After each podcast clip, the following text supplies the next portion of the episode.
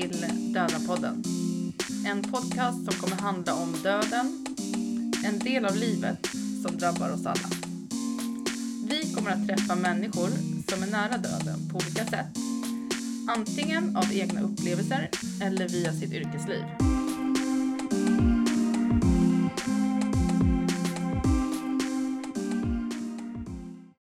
Välkomna tillbaka till Döden-podden. Den här veckans avsnitt är en direkt fortsättning på förra veckan. Så om ni inte har lyssnat på det så tycker jag att ni ska börja där. Eh, vi ska få höra Marie Rickardsson. Hon berättar om sin son Hampus liv som slutade allt för tidigt.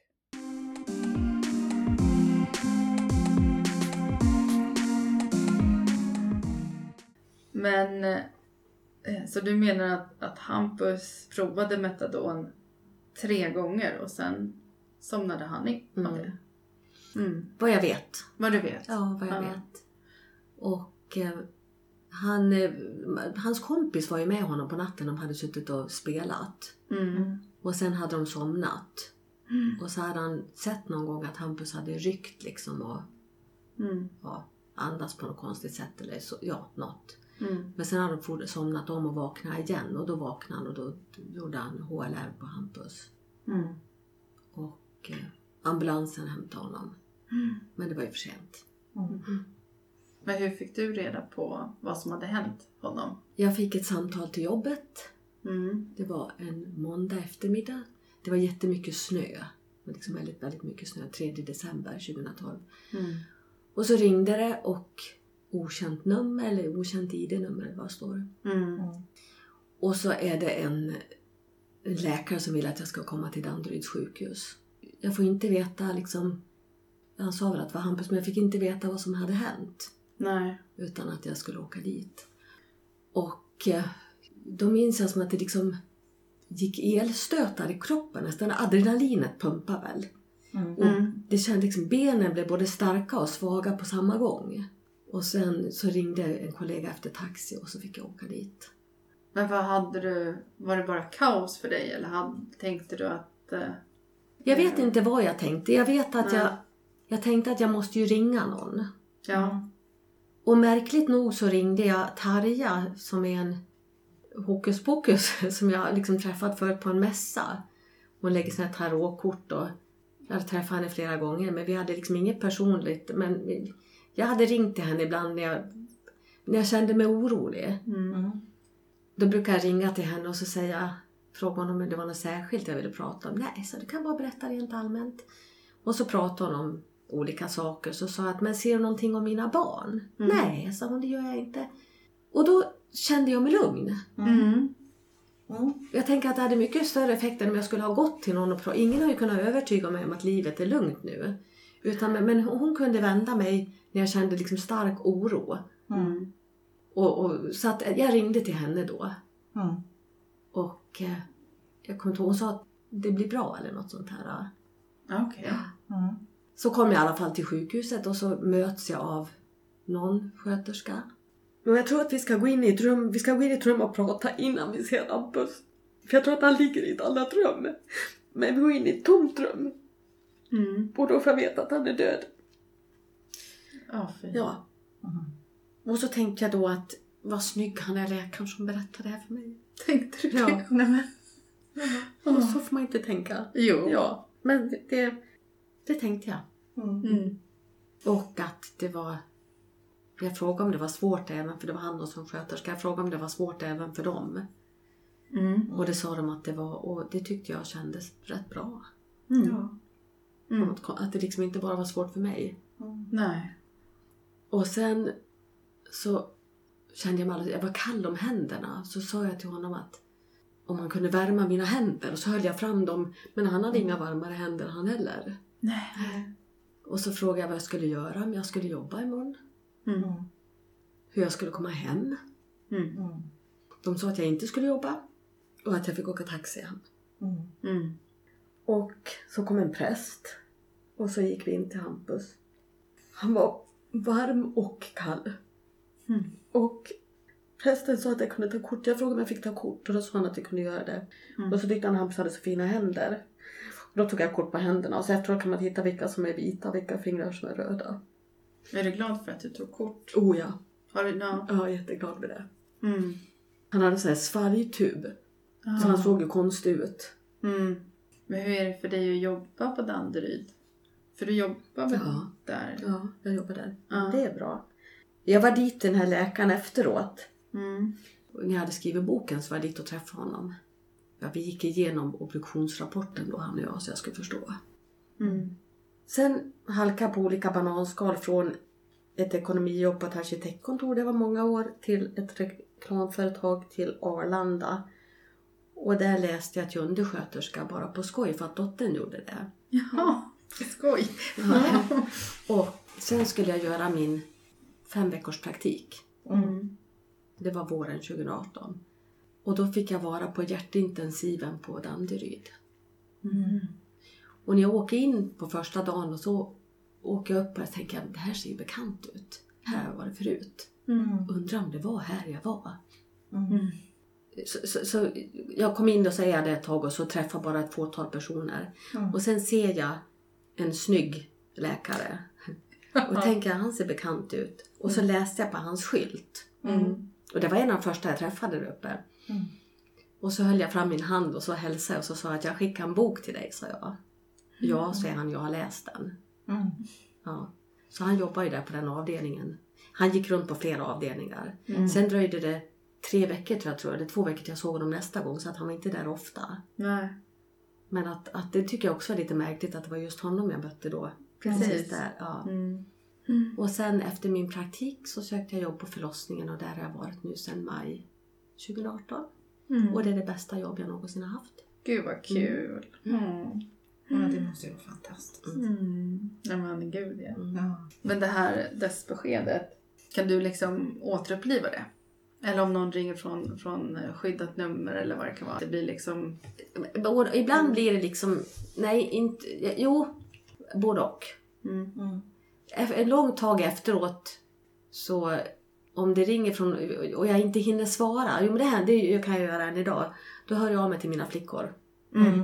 Och länge efteråt också om jag hörde tåget tuta, vi bodde nära järnvägen eller jag hör man möter mycket ambulans eller något sånt här. Mm. Då kan jag skriva, i början då speciellt, Mm. bekräfta att ni är okej. Mm. Och det kommer blixtsnabbt från dem tillbaka för de visste ju liksom. Mm. Mm. Gud vad bra. Men lika fort som någonting sånt där kommer, om jag möter massor med ambulans eller någonting, så hinner jag liksom... Det går sekundsnabbt, det bara oh oh, Mm. blir livrädd. Exakt. Så kan jag släppa det. Skönt. Ja, också. Mm. Ja, det är ju... Alltså få ett sånt här besked är ju... Ja. Ja, gud. Men hur var det den närmsta tiden efter? Är det som en dimma för dig eller hur? Nej, egentligen inte. Jag kom hem jag hade ring- ringt flickorna eller skrivit till dem att de skulle komma hem. Mm. Och min yngsta hon var ju då 18. Och vi liksom alla kramade om varandra och så sa hon att mamma, du behöver inte vara vuxen i det här. Nej. Fint. Mm. Och jag hade bara dagarna innan köpt en, en liten stereo, en ny stereo. Och så hade jag köpt Peter Lemarks skiva. Jag hade ännu inte spelat den. Mm. Och sen så satte jag på den skivan. Så den liksom... Och det är någon låt han sjunger lugn, bara lugn. Ja. Så Mm. den gick ju på det repeat Mm. hela tiden ungefär. Och det var snö i mängder som hängde ner från Mm. taket på uteplatsen. Och jag hade en väldigt stor soffa då där vi var allihopa. Så det är liksom snö, soffa och min granne Kristina som kom. Mm. Mm. Och eh, Peter Lemark. Ja. Mm. Och sen började jag väl skriva ganska omgående då vad som hände. Det var ju inte tänkt att det skulle bli någon bok av det utan jag bara skrev. Mm. Mm. Kände du... eh, alltså, vi har ju diskuterat lite det med sorg och kroppen. Att vissa upplever alltså, smärta i kroppen eller att kroppen påverkas på något sätt. Jag blev trött. Trött. Vansinnigt trött. Utmattat trött. Ja. Mm. Så du sov eh, ja. mycket. Mm. Hur, eh, hur har sorgen varit efter tid? Upplever du... Ja, alltså om jag bara går från egna erfarenhet så kan jag uppleva att det nästan blir värre. När man har förstått att han kommer verkligen inte tillbaks.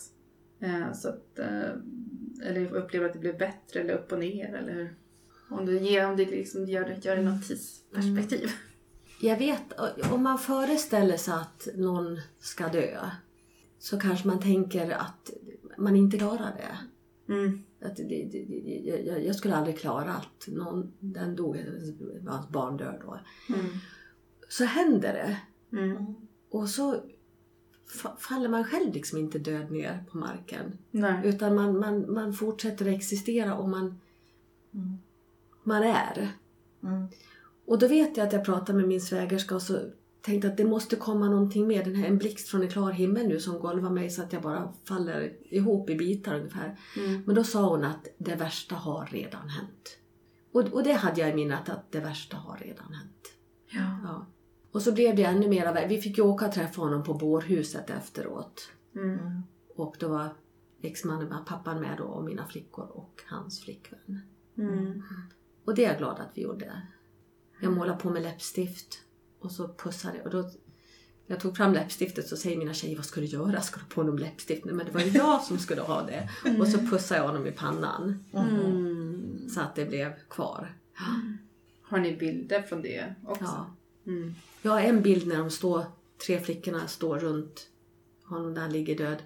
Och den, jag skrev en text till och så levererade jag det till socialtjänsten till fem personer. Mm.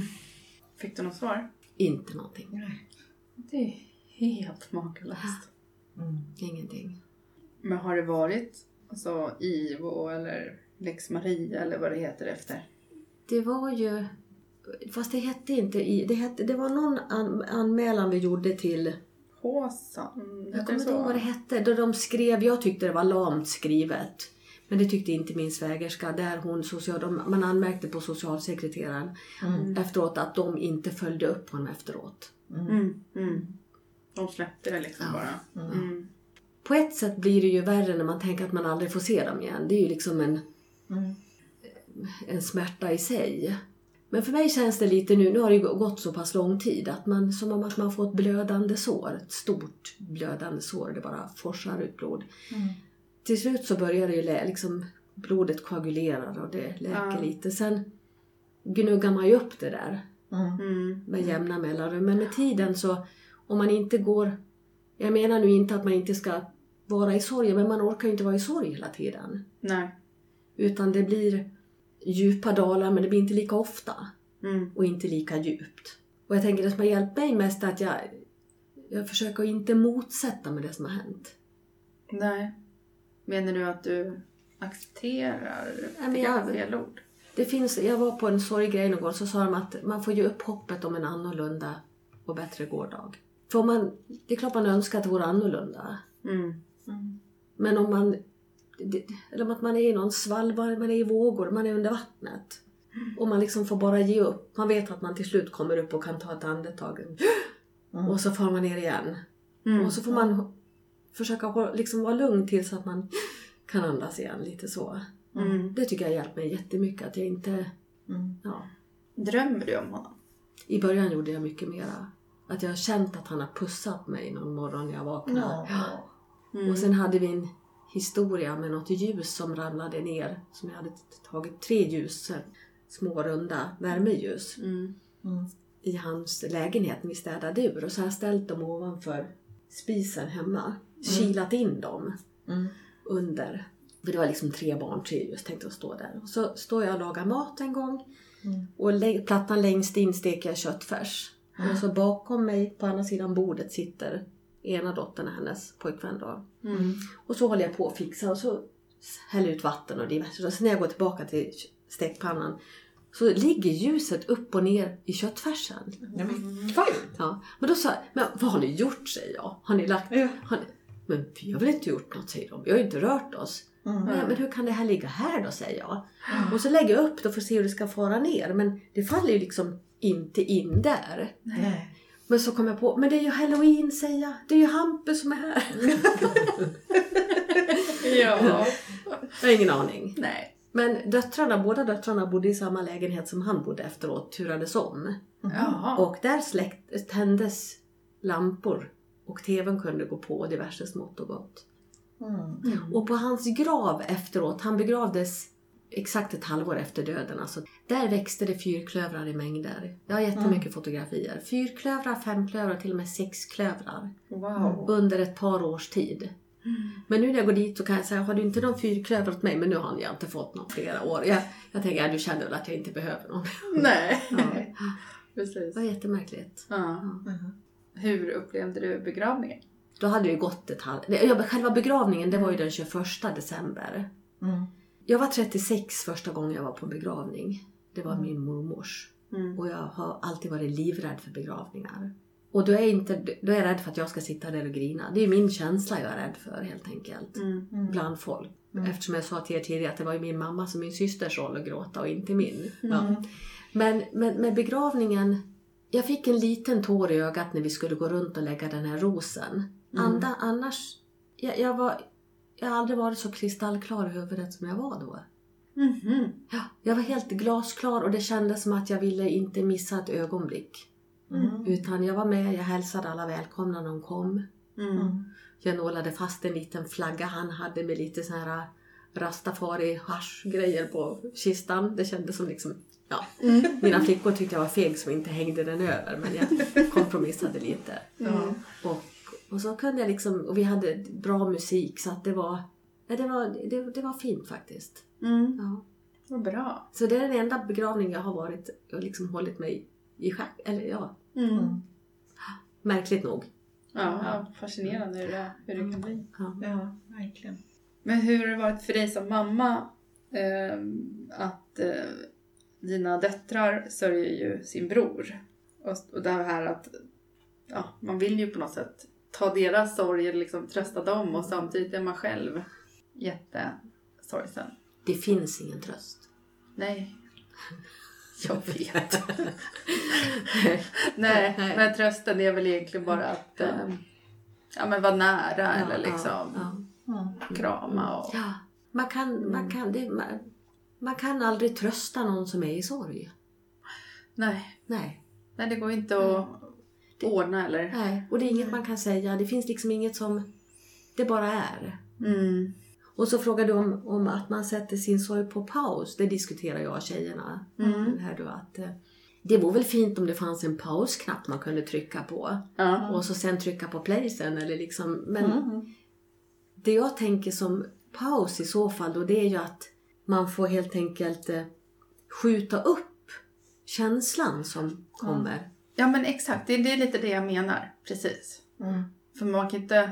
Ja, det är det man gör. Man skjuter ju upp det. Ja. Sen finns det en bristningsgräns Ja. där man inte kan göra det hur länge som Nej. helst. Mm. Jag gick ju till jobbet, jag gick tillbaka. Jag var sjukskriven i... Jag fick vara hemma några och så var jag hemma. Jag blev två veckor sedan var det jul. Mm. Mm. Begravningen. Så kom ju hans... Först dog han den 3 december på sin pappas födelsedag. Åh nej. Sen kom ju begravningen 21 december. Mm. Och sen julafton. Mm. Mm. Och så är det hans födelsedag 29 december. Mm. Och sen efter nyår så gick jag tillbaka till jobbet. Mm. Och eh, ja, sen när man går till jobbet och man får en tanke i huvudet och så kommer det upp. Då kan man inte gå där, det är klart man kan, men på Folkungagatan fram och ska till jobbet nysminkad och färdig. Då vill inte jag börja grina. Nej. Då får man liksom, stopp, inte nu. Mm. Mm. Jag brukar tänka för mig själv på, på engelska, don't go there. Ja. liksom Mm. sa till mig, don't Ja. there. Don't. Funkade det? Ja. Mm. Hur var det när du kom hem från jobbet? Ja, det var väl annat. Alltså, Mm. ja. Och jag hade talat om på jobbet, jag skrev till mig att jag vill inte att någon, jag vill inte prata om det. Jag vill inte att alla skulle komma fram till mig och titta på mig med sorgsna ögon. Nej. Nej. För jag ville själv välja när jag skulle vara ledsen. Och det är samma nu. Mm, mm. Även om det inte går hela tiden. Nej, nej. Nej. Men eh, var det bra för dig att börja jobba? Kändes det Jättebra. som en, Det var jättebra. ja. en fristad eller vad man ska Ja. kalla det för? Mm. Ja, men det vet jag, för att göra ett stickspår. Jag vet att vi pratade om det när vi pratade med Marita och Kristina nere i Varberg. Mm. De sa också just det här att komma tillbaka till jobbet, det var liksom fristaden. Mm. Och så var det en, de förlorade sina män och så en, av- en av barnen där hade någon klasskamrat som också hade förlorat sin pappa. Och så Mm. sa han, då vet ju du liksom hur du ska prata med henne. Jag, bara, jag ska inte säga ett ord. Det är Mm. skitjobbigt när han kommer fram. Jag ska låta henne vara i fred. Det är det jag ska vara. Mm. Jag ska inte säga någonting. Mm. För länge sedan så vi hade några som umgicks med i Småland, eller de hade landställe där så vi brukade träffa dem där nere. Mm. Och då hade den här kvinnan, hennes häst hade nödslaktats. Bara i all hast fick sån här kolik, fick nödslaktas på gården. Det var traumatiskt och hemskt. Mm. Och så kom vi ner och så stötte vi på varandra i affären. Vi hade inte hunnit hem till dem eller hade inte börjat liksom setts. Mm. Vi kommer ner och så möter jag henne på affären. Mm. Och då tittar på varandra och så säger vi hej och så säger jag hmm, hmm, säger hon. Hmm, hmm, hmm. Sen var vi klara. Förlåt att jag men det var lite roligt. Ja. Ordlös kommunikation. Ja, det måste ja. ja. ja, ja, man vet liksom. Mm. Det behövs inte så många ord. Nej. det är sant, det är sant. Mm. Mm. Lite hummande räcker. Ja, Ja, precis. ja. Mm. Mm. Mm. Jag vet vart jag har dig, du vet vart du har mig. Ja. Ja. Ja. Men vad har hjälpt dig i sorgen? Alltså har du träffat andra drabbade, varit i någon sån kontext eller gått till någon psykolog? Eller? Och du, när du säger drabbad, du menar du samma eller menar du någon som har dött? Jag menar till exempel andra föräldrar som har förlorat barn. Ja, det är några som jag känner privat men det var liksom att vi träffades. Men jag har Mm. inte... Hade jag träffat andra direkt, Mm. då hade det inte blivit någon bok. Nej. Utan att jag, det var, jag, jag kände ju liksom ingen som hade... Nej, utan det var min... Jag pratade med min svägerska mycket då. Och, och grannen. Och så andra människor liksom då. Mm. Sen skrev jag. Och det blev nog mycket det som... Hade det kom, sen blev jag kontaktad av en grupp, Vi som förlorat barn. Då beställde de min bok. Mm. Och det var där i den gruppen vi träffades som gjorde vår egen grupp. Mm. Droger dödade våra barn heter den gruppen. Vilket jag egentligen motsatte mig lite från början.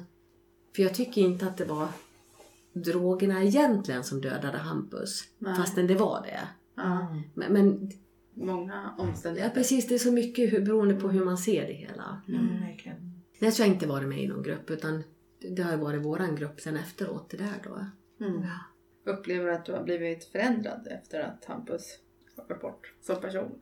Det är svårt för mig att säga. ja, jo. Men någonstans där är det ju liksom någonting inom en dör ju. Ja. Det är liksom en bit, den är ju... Ja.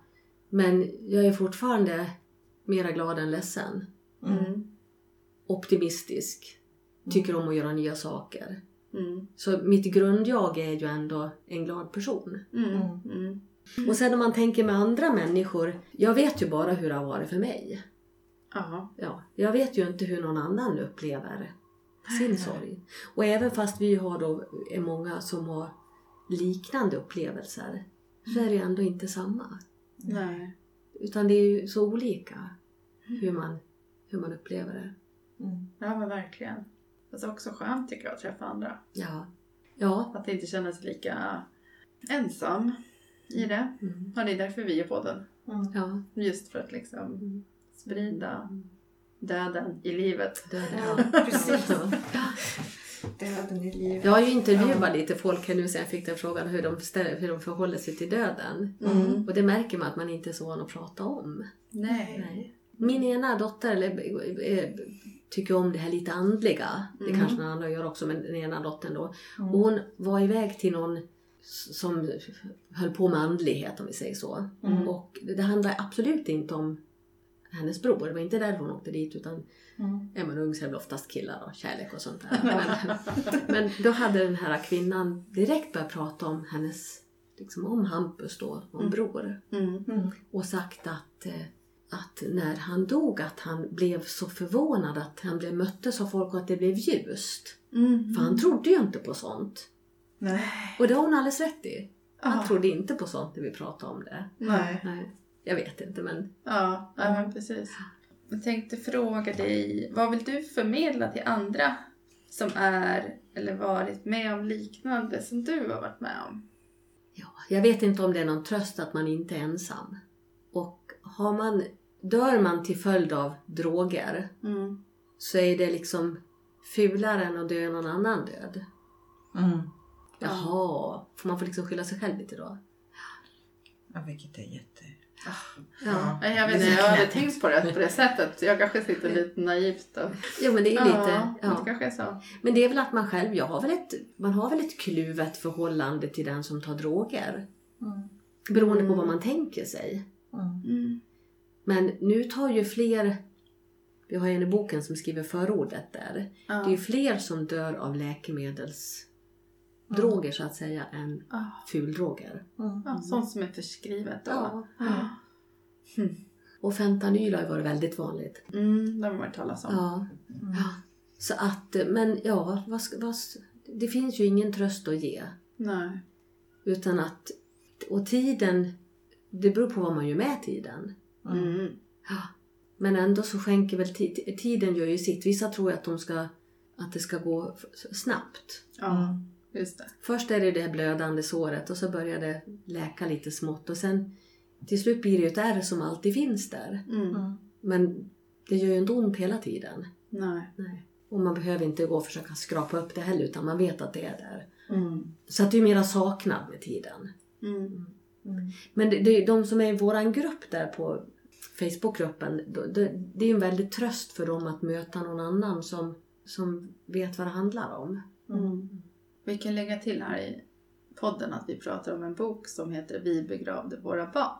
Som vi har fått ifrån dig Marie. Och vi har tänkt att läsa den Ja. såklart. Och så fick ni den andra om Hampus. Precis. Aldrig längre än en tanke bort. Ja, Ja. och den har vi redan läst. Ja. Vad har du fått för respons på böckerna? Eller främst den om Hampus då? Att eh, de jag känner har ju läst den. Mm. Och eh, ja, jag vet inte vad jag fått för respons liksom. Jag tycker att du, att du beskriver allting så väldigt bra. Alltså man, man blir väldigt liksom, man rycks med. Mm. Jag berättade här innan vi började inspelningen att jag började läsa med pendeltåget. Och Mm. jag grät ju på sidan två eller tre liksom, så att jag kunde inte läsa färdigt den på pendeltåget. Men den är väldigt liksom, välskriven tycker jag. Och jag tycker att man verkligen Mm. man får vara med i, i ett liv liksom. På sidan om. Den är jättefin tycker jag. Tack. Det var ju roligt. Mm. Ja. Fast också upprörande ur myndighetsövning. Alltså man blir, jag Ja. blir lite engagerad, liksom, ah, jag vill förändra. Ja, man blir ju arg. Verkligen. Ja. Det är otroligt frustrerande. Mm. Ja, nej. Ja, Läsvärd. ja Absolut. I början var jag arg på de här kvinnorna då. Mm. Det förstår jag. Och, eh, så det kändes som lite hämnd när jag fick lämna upp den här bilden på att de, jag skrev att de hade kunnat gjort skillnad, för det hade de kunnat gjort. Mm. Mm. Och sen var jag, blev faktiskt var dit när det var någon ny socialchef några år senare. Mm. Mm. Och det de säger är att ja, men vi vet ju inte att det skulle ha blivit annorlunda om vi hade gjort annorlunda. Ja, fast det kan vi ju faktiskt lista ut att det hade blivit. Ja, Ja. Så att eh, sen när jag hade skrivit boken om Hampus då, då skickade jag det till de berörda. Och hon hörde av sig, hon Malin kan jag Ja, hon säga. gjorde det? Ja, hon ja. svarade ja, Mm. på den. Och, eh, men jag hyser liksom inget agg emot de här kvinnorna. Utan att eh, det skulle ju jag ta stryk av. Mm. Mm. Så att det tänker jag inte. De får väl sitta en vacker dag. Jaha. jag vet inte. Nej, men att, Mm. ja, nej. Nej men precis. Det är ju svårt för att man, man kan ju också förstå att deras jobb är ganska tufft. Ja. Så att de sitter väl säkert också ofta i en rävsax. Jo men alltså herregud. Eh, Ska man få en, en sån bild om man vet att man har haft en del i det man svarar. Alltså som människa. Ja, ja, man, som människa absolut. gör man det. Ja, ja, ja, ja. Jag tycker det är helt oförsvarbart Ja. att liksom... Ja, jag tänker mest det liksom. ehm, Och sen Ja. i och med att jag vet att de i Västerås skulle de aldrig ha agerat på samma sätt. Nej. Nej. Utan de hade ett annat förfaringssätt. Så att det beror på kommunen helt enkelt. mm, ja, vilket också är Ja. Rättsosäkert. Exakt. Det känns inte som att liksom förvaltningslagen har någon... Nej. Kanske skulle läsa på den lite grann. Ja, ja, en lagbok här. Ja, precis. Ja. När man tänker så här, offentlig förvaltning är ju liksom... Det ska vara förutsägbart. Såklart. Det ska vara transparent liksom. Ja. Jag trodde att det var så. ja, men det är Ja. mycket man tror innan Ja, man är i verkligheten så att säga. Mm. Eh, är det något som du tycker att vi inte har frågat om? Eller är det något mer du vill berätta om? Jag har ingen aning. jag kan berätta en, en, hur det kommer över en ibland. Jag var på jobbet en dag så hade vi där vi kastade ner tvätt och sopor. Mm. Mm. Det var stopp där. Och då får man ringa till någon som ska fixa det. Mm. Och då hade jag gjort det och jag har gjort det flera gånger. Och jag hade inte avdelningens nummer i, när jag ringde så då uppgav jag mitt nummer. Mm. Och sen går det en stund och så är jag inne på ett rum och så kommer en annan en kollega och knackar ut mig Mm. från mitt rum. Och så säger han att det är någon som söker dig här. Oh. Och då var det liksom lite samma känsla av att det var någonting som ruschade ner i benen. Alltså Mm. att, Mm. ja. Mm. Och så kom jag ut och så ser jag att det är någon från fastighetsförvaltningen som ah. För jag tänkte, det är ju ingen som söker mig på jobbet. Nej. Nej. Nej, om det inte är något. Om det inte är Ja, något. Nej. Och då fick jag den känslan. Så att jag bär ju med mig känslan av att jag är rädd att det ska hända något. Mm. För någon som jag gillar helt enkelt. Mm. Mm. Men det, och den får man ju försöka att trycka ner. Mm. Mm. För, sitt, för liksom sitt eget välmåendes skull. Mm. Och så på jobbet så träffar jag, det var ju så vi kom i kontakt via Åsa ja. Döden-podden. Mm. Eller ja, när Åsa var med här. Att då har jag varit med när barnen inte överlever. Mm. Mm. Och det kan ju någon ibland undra hur det är. Mm. Och jag har varit med vid en förlossning. Jag har varit med efter och innan några gånger. Men så har jag varit med en gång, och det är inte så länge sedan, när någon skulle föda. Och det är ju en vånda Ja. att, att gå in. Mm. Men samma är det ju med det att, att när man väl är där Mm. så är man ju uppe i det. Mm. Och det är ju inte att man bara är, man är inte en åskådare som står och tittar. Utan man är ju, man har annat att göra. Mm. Och man vore ju inte människa om man inte fällde en liten tår. Men exakt. Mm. Men att så nu när jag kommer att vara med nästa gång Mm. så kommer jag inte gå in med den här rädslan. Nej. Så det är mycket rädslan för det okända Mm. och döden och andras sorg. Och då hade jag turen att få vara med Åsa Mm. när vi skulle gå in till någon som vänt- förväntades föda ett dött barn, eller som skulle föda ett dött barn. Mm. Och jag tänkte, gud hur ska det här gå till? Mm. Och vi pratade om det innan, så tänkte jag att jag iakttar bara henne. Mm. Mm. Och det var bra. Ja, hon, hon eh, var ju så himla mysig eller Ja. lugn. Ja. Ja. Jag kan tänka mig att hon är jättebra på det. Nu kommer inte jag drabbas av just det, att jag ska föda något barn. Nej. Så det, det slipper jag. Ja, men För egen precis. del i alla fall. Ja. Ja, men jag har faktiskt en fråga till. Jag, skulle, jag, jag vet att jag kan fortsätta hur mycket som helst med det. Du får det. ja. Mm. eh, nej, men jag tänker på när, när du fick beskedet, vilket jag tänker borde vara jättechockartat och omtumlande. Kunde du ta in någon mer information? Så? Ja, Eller? Det tycker jag. ja, spännande. Jag tycker att nu när jag har redan fällt en tår över det här så kan jag liksom att när jag kom till sjukhuset och gick ut och så talade jag om att jag är Hampus Mm. Mamma Mm. och vi går där i korridoren då förstår jag ju inte vad som hade hänt. Nej. Nej. Och när vi går in och jag ser det här tomma rummet och jag sätter mig ner och jag förstår ju fortfarande inte. Nej. Utan att jag tror då att nu är det här ett litet Mm. samtal innan vi ska gå in. Ja. Mm. Så att det tycker jag att jag tog in. Jag tog in det och sen fick jag fråga upprepade gånger om han levde. Ah, okej. Innan läkaren sa att han inte gjorde det. Men de var inte tydliga med dig Nej. från början? Nej, Nej, nej, nej. utan du var tvungen att då fråga? Ja, utan vi satt oss ner då började de berätta Mm. Mm. hur det hade, hur de hade kommit in och hur de hade gjort si och så. Så att det var liksom inte bara ett rakt besked utan det var berättade. Och jag fick som sagt fråga då Mm. och så fick jag veta. Och då, det pratade vi om sen efteråt, jag och den här läkaren. Mm. Ja, det- den boken liksom i princip var klar då, att, att hur, hur det brukar vara när man ger dö- dödsbesked. Och då sa han att, nu var inte han hur van som helst med det heller då, men att, att det, det var som att befinna sig i stormens öga. Mm. Och där är det lugnt. Aha. Det var väldigt lugnt. Mm. Ja. Det var jättelugnt hela historien när vi gick in där sen. Nej, jag liksom tänker att om man får ett sånt där besked, att det kan bli liksom lite kortslutning i huvudet. Att om någon skulle berätta någon mer information så går inte det in liksom. Jag kanske har missat jättemycket för att jag inte vet om det. Så det, var, det känns för, ja. Nej, det vet vi inte.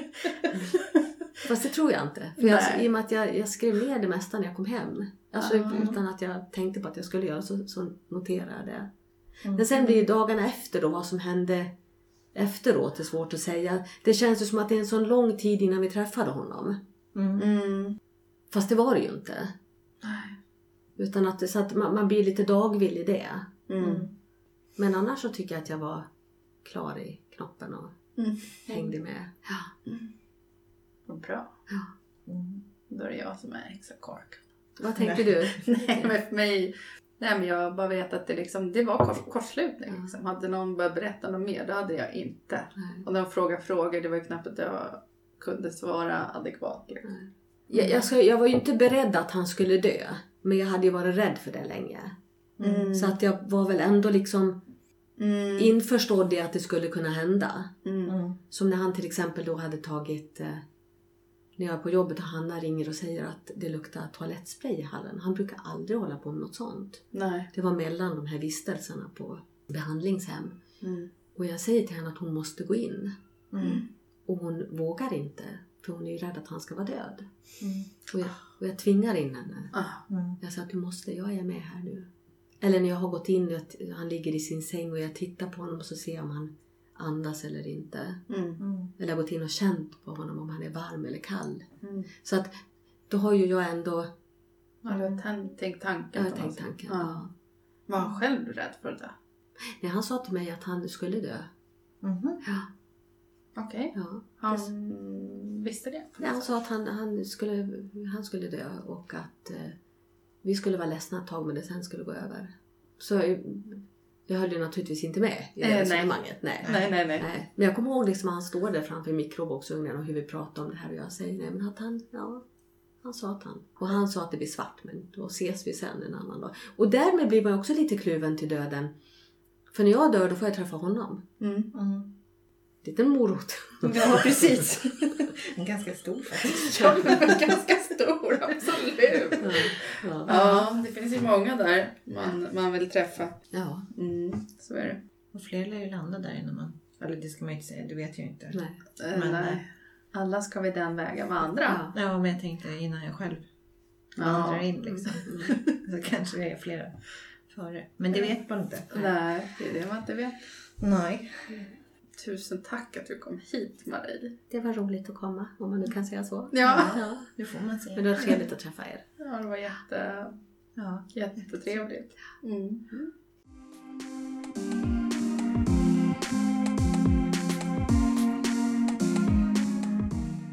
Tack Marie Rickardsson att du eh, kom hit och delade med dig av din berättelse om din son Hampus.